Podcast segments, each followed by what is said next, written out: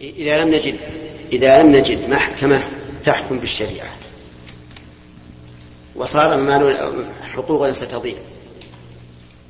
فإننا نتحكم إليهم لا على أن حكمهم شرع ولكن نجعلهم بمنزلة الشرط نستخرج بهم حقوقنا. لاحظ هذا القيد. يعني لا أتح... لا يتحاكم إليهم على أن حكمهم شرط ولكن كأنهم شرط يأخذون حقوقا فلا بأس أن يتحاكم إليهم لاستخراج حقه. ولكن لو حكموا له بباطل شرعا فإنه لا يجوز أن يأخذ به. لا يجوز هذا. لأنه لا يمكن أن نضيع حقوق الناس بحجة أن هؤلاء يحكمون بالقانون ولا يجوز التحاكم لغير الله ورسوله. نقول ما أنا ما أتحاكم إليهم على أن أنهم على أن قولهم فصل وحكم. لكن أتحاكم إليهم على أنهم شرط يخرجون حق أو أستخرج بهم حق. انتهى. انتهى. حتى اللي بعده. ما حكم إفراد يوم السبت في الصيام؟ في إيش؟ إيش؟ حكم إفراد يوم السبت في الصيام؟ وما توجيه الحديث الوارد في النهي؟ إيش؟ وما توجيهكم الحديث الوارد في النهي يعني؟ ما هو الحديث؟ أن النبي صلى الله عليه وسلم نهى عن إفراد صيام يوم السبت في غير الواجب. إيش؟ بمعنى معنى الحديث أن النبي صلى الله عليه وسلم نهى عن إفراد يوم السبت في غير عن صيام يوم السبت. نعم. إي نعم. في غير الواجب. نعم. الحديث لا تصوموا يوم السبت إلا فيما افترض عليكم ولو لم يجد أحدكم إلا لحاء عنب آه، يعني أعواد العنب يلحوها ويأكلها يعني فليفعل. لكن هذا الحديث حديث ليس في الصحيحين ولا في أحدهم. والحديث الثابت في الصحيحين أن النبي صلى الله عليه وسلم دخل على إحدى أمهات المؤمنين فوجدها صائمة. فقال لها أصمت أمس؟ قالت لا. قال أتصومين غدا؟ قالت لا. قال فأفطر. ماذا يدل على هذا الحديث؟ يدل على أن صيام يوم السبت جائز. والحديث الذي أشرت إليه رواه أبو داود وغيره من أصحاب السنن لا لا يماثل هذا في الصحة. وإذا لم يماثله في الصحة فإن من القواعد المقررة في مصطلح الحديث أن يكون شاذا لأنه خالف ما هو أقوى منه. والشاذ لا يعمل به. هذا وجه. وسلكه بعض العلماء. وقال هذا الحديث شاذ لا لا عمل عليه. ومنهم من ضعفه سندا يعني الذين يقولون بشذوذه ضعفوه متنا ومنهم من ضعفه سندا وقال لا يصح. وطعن في بعض رواته. ومنهم من قال إنه منسوخ. ومنهم من جمع بينه وبين حديث جواز الصوم في يوم السبت فقال إن أفرده وصامه لأنه يوم السبت فهذا هو المنهي عنه. وإن صامه تبعا لغيره أو لمناسبة تقتضي تخصيص هذا اليوم فلا بأس. وإلى هذا ذهب الإمام أحمد رحمه الله. وهذا لا شك أنه جمع حسن بين الحديثين. فنقول لا تفرد يوم السبت بصوم. لكن إن صمته مع غيره فلا بأس. أو صمته لأنه يوم يسن صومه مثل أن يوافق يوم عرفة أو يوافق يوم الخامس عشر من من الشهر وأنت تصوم آه، أيام البيض أو يوافق يوم عاشوراء فإنه لا بأس به. وهذا القول أحسن الأقوال التي سمعتم فليكن هو المعتمد. أي يكره أن يصوم يوم السبت لأنه يوم السبت. أما إذا صامه لسبب آخر فلا بأس. وكذلك لو لم يفرده بأن صام قبله يوما أو بعده يوما فإنه لا بأس به. نعم. بسم الله الرحمن الرحيم. فضيلة الشيخ هذا رجل نصراني في إحدى الدول الإفريقية كانت كان النصارى يمدونه بالأموال وكان يبني الكنائس بمئات الآلاف من الدولارات. ثم أسلم قبل ثلاثة أشهر وكان قبل إسلامه يسرق من هذه الأموال حتى بلغت أموالا طائلة عنده. وهو الآن بعد إسلامه يسأل هل يبني بهذه الأموال التي سرق مساجد أم لا؟ نعم. نقول ابني بها مساجد. لأنه أخذها على وجه شرعي على وجه غير شرعي. فليصرفها في نظيرها الشرعي. والكنائس كما تعلمون متعبدات النصارى والمساجد متعبدات المسلمين وهي خير من صرفها في مساجد يعني صرفها في مساجد المسلمين خير من صرفها في معابد النصارى. فنقول له ابني بها مساجد للمسلمين واسأل الله الثبات على الإسلام. ولو سرق حال اسلامه نعم بعده.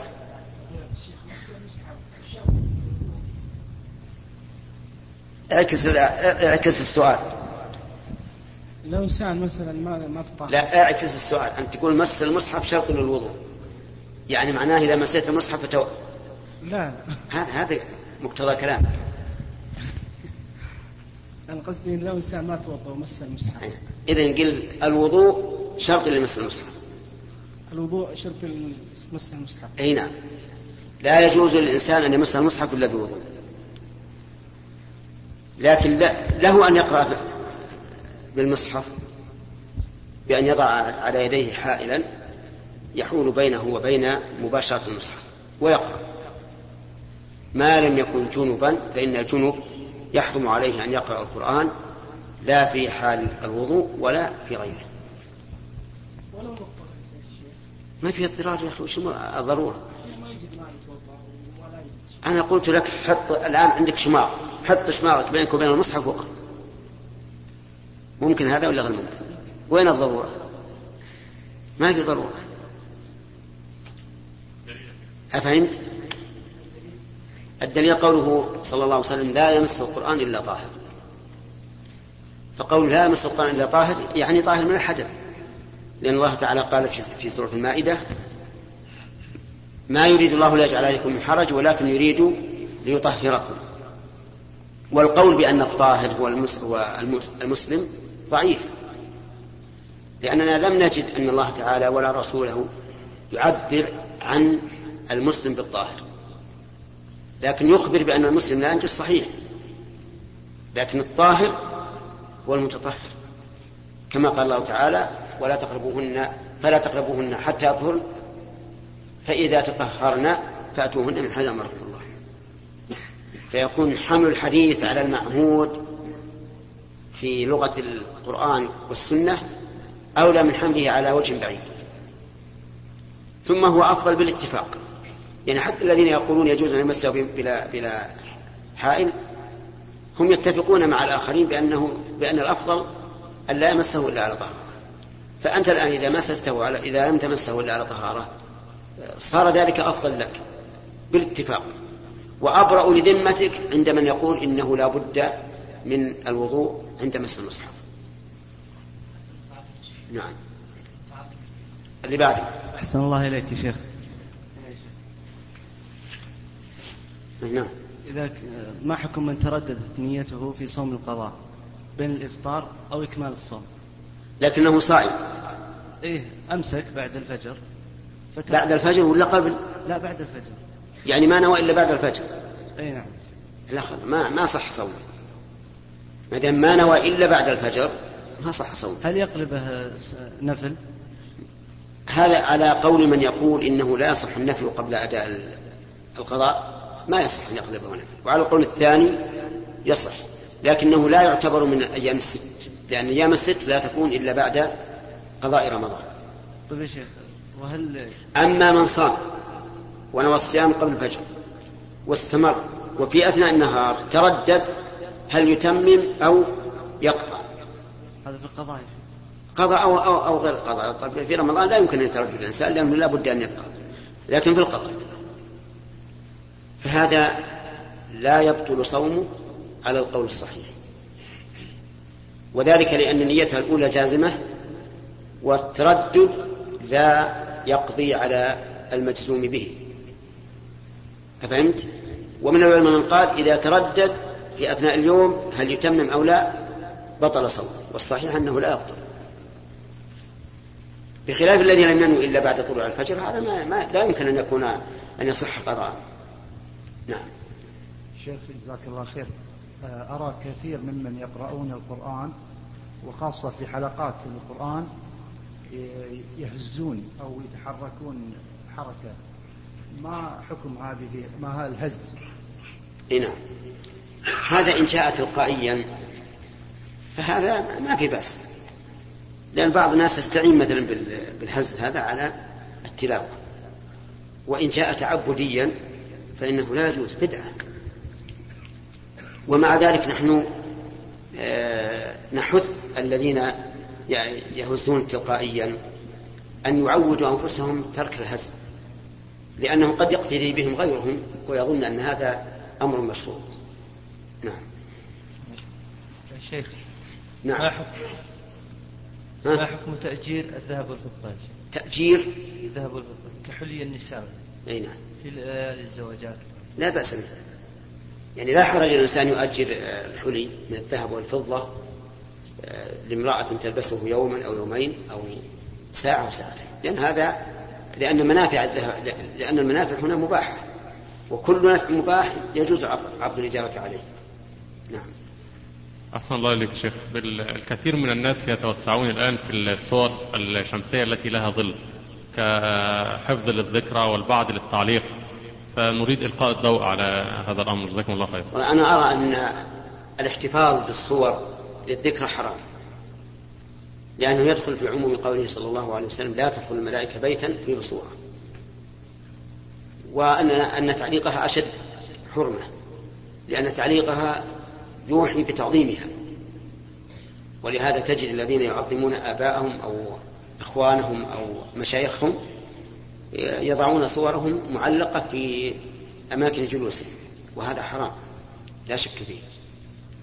أما الذي يقتنيها لحاجة إنسان مثلا عنده البطاقة الشخصية أو قيادة الرخصة أو هو يتوقع أنه, أنه يحتاج إلى هذه الصورة في المستقبل فهذا لا بأس به. نعم. شيخ. نعم. فضيلة الشيخ الآن نرى كثرة المساجد. المساجد كثيرة الآن ولله الحمد. الحمد لله. لكن فيه بعض المساجد لا يوجد فيها بيوت للمؤذن والإمام أيهما أفضل وضع دراهم في بيوت عمارة مساجد أخرى أو في هذه البيوت؟ لا الأفضل أن توضع الدراهم في عمارة مساجد أخرى. يعني مثلا عند إنسان عنده مليون ريال وأنفق على هذا المسجد سبعمائة ألف وبقي عنده ثلاثمائة. يقول هل الأفضل أن أضعها في مسجد آخر أو أن أبني بها بيتا أو بيتين؟ للإمام والمؤذن. نقول الأفضل أن تضعها في مساجد أخرى خصوصا إذا كنت أنت وكيلا. بأن أعطيت دراهم لبناء المساجد فإنه لا يجوز لك أن تصرفها في بناء بيتين للإمام والمؤذن. ولو كانت بحاجة. لأنك وكيل. نعم. ولو كانت بحاجة. أبدا ما بحاجة المسجد سيقوم سواء كان للإمام والمؤذن بيت أو أم لم يكن. صحيح أنه يعين على وجود الإمام والمؤذن لكن مو حاجة. نعم. يا شيخ قلتم في إجابة على الصيام العاجز أنه هو المسؤول عن الإطعام عن نفسه. نعم. طيب إذا لماذا يخرج عنه صدقة الفطر من كان مسؤولا عن معونته؟ كالزوجة عن زوج زوجها عن زوجته. نعم. أولا بارك الله فيك أن هذه ليست بإجماع. فإن كثيرا من العلماء ومنهم الشوكاني رحمه الله يقول إن كل إنسان مخاطب عن فطرته. فالزوج لا يلزمه فطرة زوجته ولا فطرة ابنه ولا بقية عائلته. ومنهم من يقول إن هذا مستثنى لأن الصحابة كانوا يخرجون عن أنفسهم وعن من يمونون. فيكون هذا مستثنى ولأن هذا أقرب ما يكون إلى النفقة التي يقوم بها عائل البيت. لكني أنا أميل إلى الأول. وأقول إن جريان العادة يعني إلى الأول إن كل إنسان مخاطب عن نفسه بحيث لو أن صاحب البيت قال ما ما أخرج عنكم وهم قادرون يخرجون هم لكني أقول ما دامت العادة الآن جارية بأن الرجل يخرج عن عن نفسه وعائلته نمشي على هذه العادة. نعم. أحسن الله إليك يا شيخ. بالنسبة لتصوير الآدمي من قفاه؟ ما- تصوير الآدمي من قفاه. نعم. ما رأي فضيلتكم شيخ؟ علشان إيش؟ في بعضهم يا شيخ صور للذكرى يعني. ذكر ما وش تذكر من قفاه لا يا شيخ أحسن الله في بعض الأسفار يا شيخ.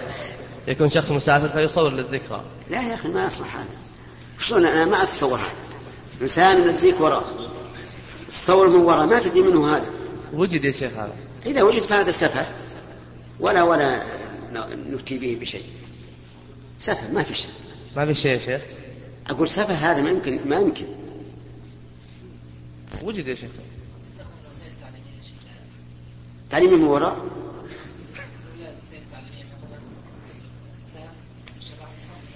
هذا دعايات كل يا حال شيخ. أنا أرى انها أن- أنها سفه؟ واذا إذا قدر أنه وجد فلا بصوره لأن هذا مثل الظل مثل الإنسان يمشي في الشمس ويكون له ظل نعم.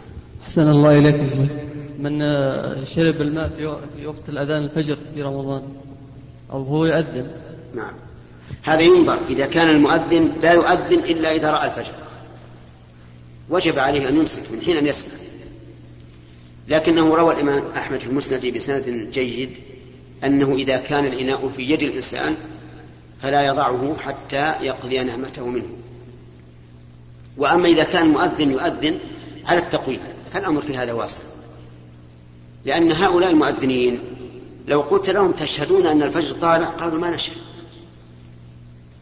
وتجدهم في المغرب يؤذنون على التوقيت وأخبرني الثقات أنهم سمعوا المؤذنين يؤذنون والشمس لم تغرب. لأنهم هم ليسوا يشاهدون الفجر ولا يشاهدون الشمس.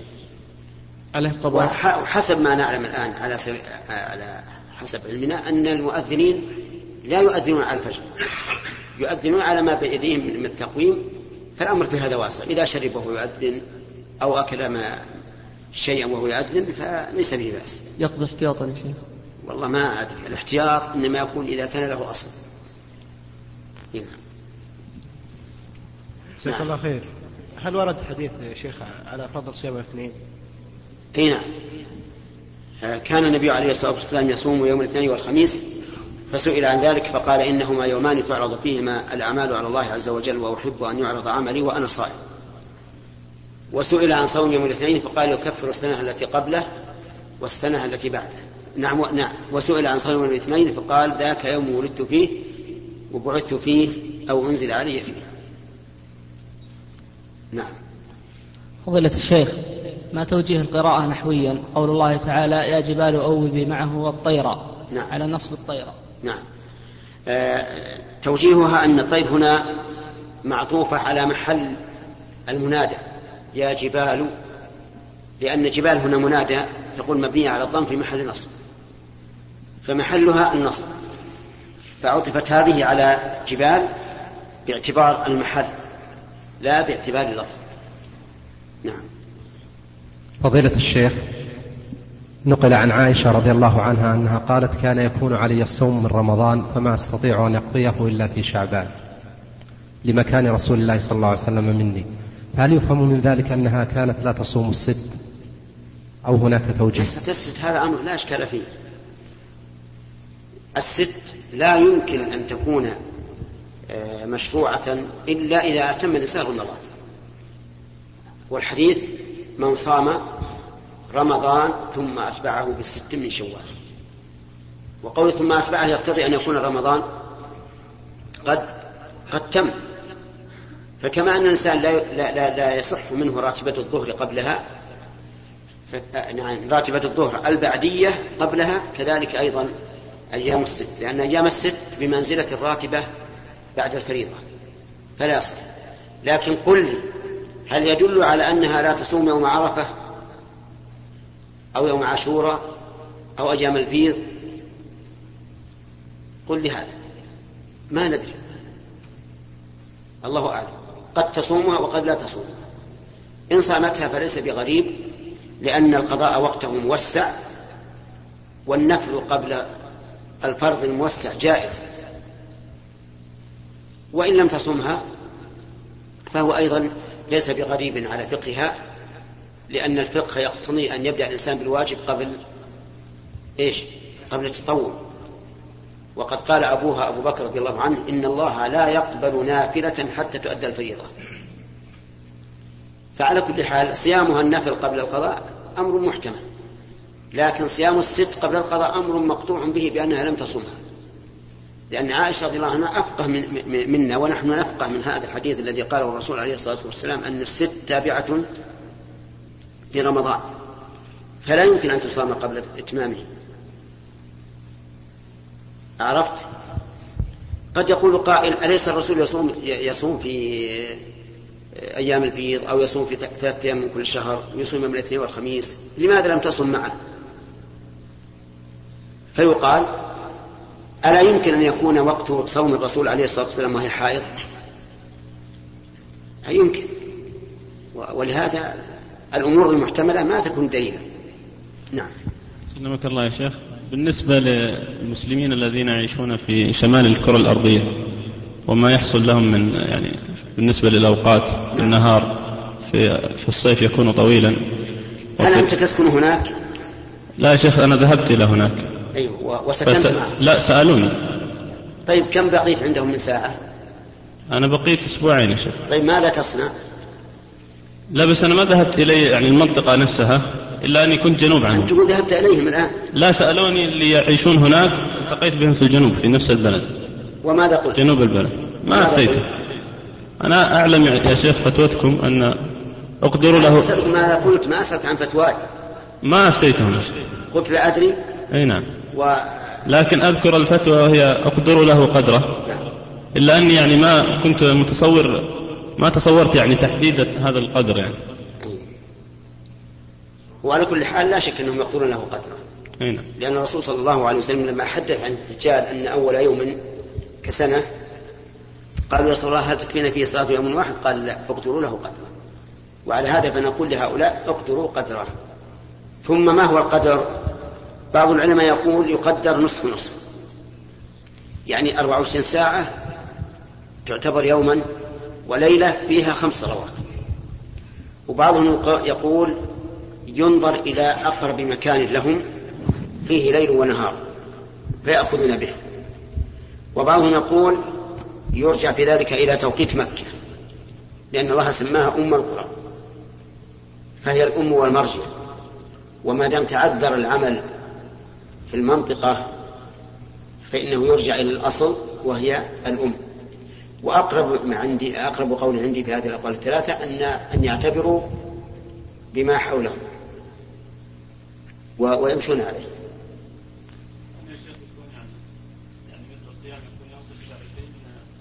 إيه لكن ألم تعلم من عشرين ساعة باردة؟ ما يحقهم مشقة من جهة العطش. صحيح يلحقهم مشقة من جهة الجوع. وإذا قدر أن مشقة وأن أنهم لا يتحملون يفطرون ويقضون في أيام في أيام أخرى.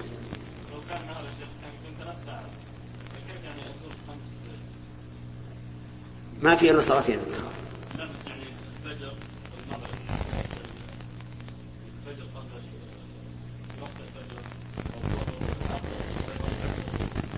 المهم يقدرون قدر الآن أنت تظن الآن أن الفرق بين الظهر والعصر عندك أيها الإخوة اخترنا أن نكمل بقية هذا الشريط بالمادة التالية. هل يكفي غسل الكفين قبل غسل الوجه؟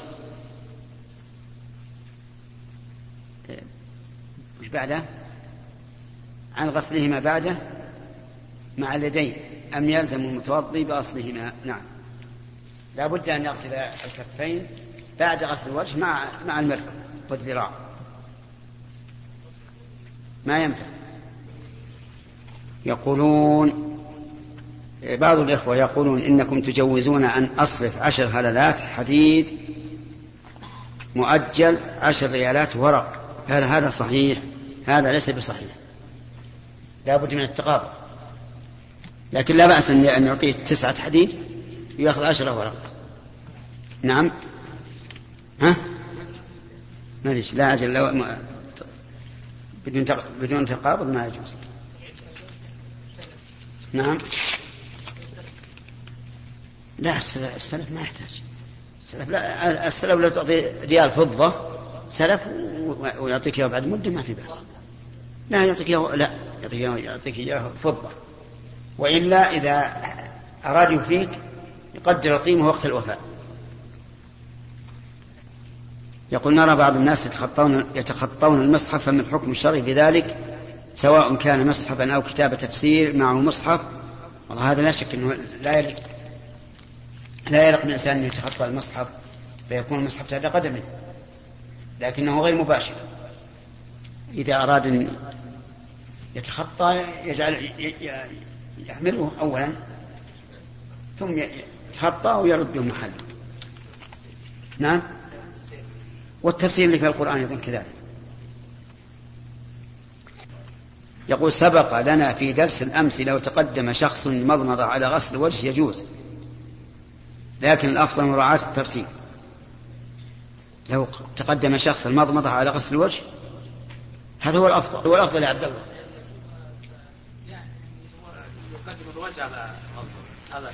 هذا قصدك؟ إذا لا إذا قدم الوجه على المضمضة فلا بأس لأنه عضو واحد. ولكن الأفضل مراعاة الترتيب. وأيضا سبق أن الوضوء هو التعبد لله على وجه مخصوص ومعروف أن من تعبد الله خلاف سنة رسول الله صلى الله عليه وسلم فهو مردود. كيف الجواب؟ الجواب بارك الله فيك أن المضمضة والاستنشاق من الوجه فهما عضو واحد. كما أن الأذنين من الرأس فهما عضو واحد. ونحن نعلم أن الإنسان لو قدم غسل وجهه الأيسر ما في بأس. مع أن غسل الوجه يكون جميعا وإن اضطر إلى أن يغسله بيد واحدة فيبدأ باليمين بالأيمن منه. أفهمت؟ طيب. طيب. يقول إذا إذا أناب إمام مسجد شخصا في إمامة الجماعة لبعض الأوقات لكن هذا الشخص النائب منهي من قبل الطبيب عن السجود وأن لا يرفع وأن لا يرفع استنشاق ماء الوضوء إلا بقدر النصف من الأنف لعملية أجرها فهل هذا جاز؟ ما دام إنه ليس آه، نائب يدور إنسان ما فيه إشكال. أقول ينوب غيره. نعم